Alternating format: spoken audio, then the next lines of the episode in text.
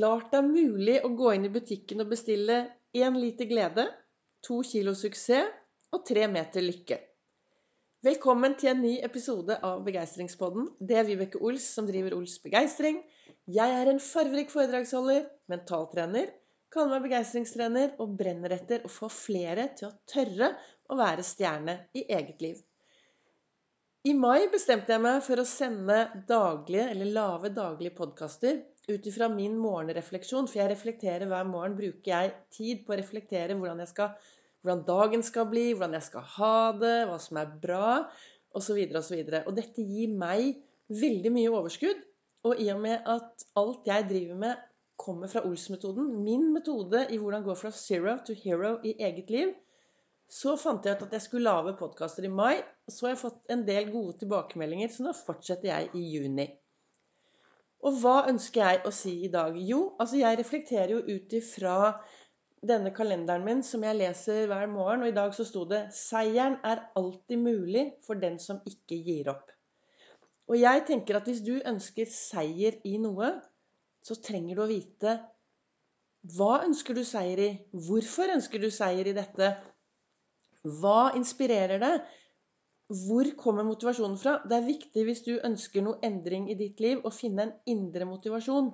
I går var jeg i et fantastisk selskap. Bransjeselskap. Masse foredragsholder. Rause folk. Og jeg pratet med herlige folk og fikk eh, mye gode tilbakemeldinger på at jeg var en inspirasjon. Og jeg snakket med noen. Og det jeg hørte bl.a., det var jo det at av og til så Eller hva skal jeg si? Jeg hadde en veldig, veldig god samtale med et klokt menneske. Og hun sa ja, nei, jeg har bare satt meg selv litt på vent, jeg. Ja. Jeg blir litt eh, Jeg har satt meg selv på vent, og jeg orker ikke, og jeg gidder ikke, og jeg syns det er slitsomt. Og det Av og til så er det viktig å sette seg selv litt på vent. Samtidig så er det også viktig å vite hvor vi skal, og hva vi ønsker.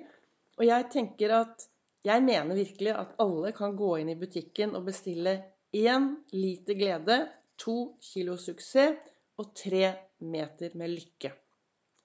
Men dersom du skal bestille det, så er det viktig for deg å vite ja, hva er glede, da?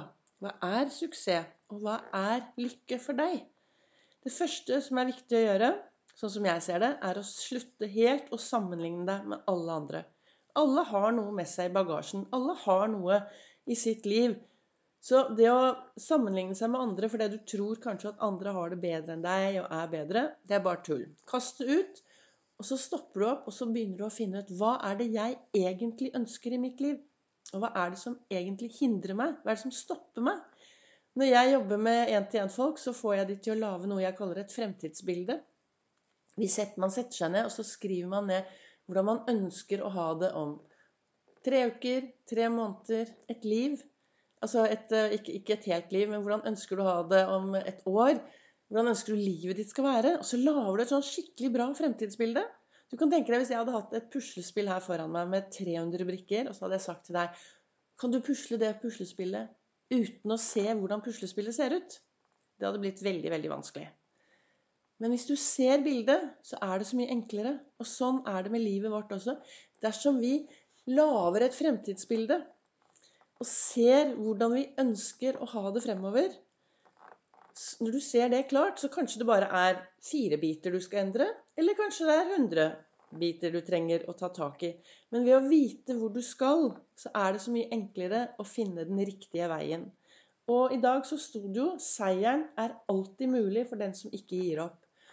Og det å finne den indre motivasjonen, altså finne ut hva er det som driver deg til å få til det du ønsker i din hverdag, når du finner disse små indre motivasjonene, så er det mye, mye enklere å lykkes. Og noe av det viktigste når du finner den indre motivasjonen, det er å ha en god indre dialog. Det å heie på seg selv hver eneste dag. Hei, starte dagen med skikkelig mange heiarop. Altså, du er deg selv AS. Det er ingen som er akkurat som deg. Og du har alle ressursene du trenger. Av og til så trengs det bare å lete litt ekstra. Av og til så trengs det å kaste ut litt negativitet. Av og til så trengs det å kaste ut litt begrensninger, som jeg snakket om i går. Alle disse skjelettene som henger over oss. Og heller bare akseptere at jeg er den jeg er i dag. Takke være alt som har skjedd så langt i livet mitt.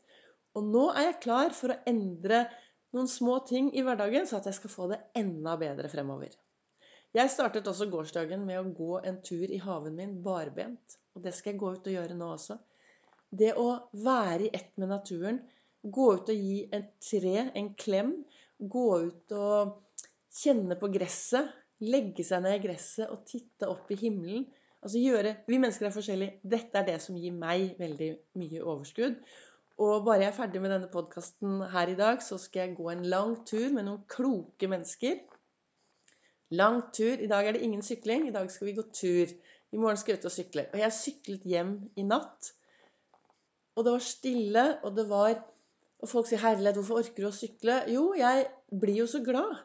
Og så er det så vakkert. Og jeg tenker jeg, er, jeg føler meg så heldig som får lov til å bo i dette landet. Jeg føler meg så takknemlig. Jeg, jo, jeg går alltid på skattejakt etter det som er bra, og, og finne ting jeg kan være takknemlig for. Det har gjort at jeg har det mye bedre når jeg har klart å snu fokuset over til det som er bra, å være takknemlig, å være raus.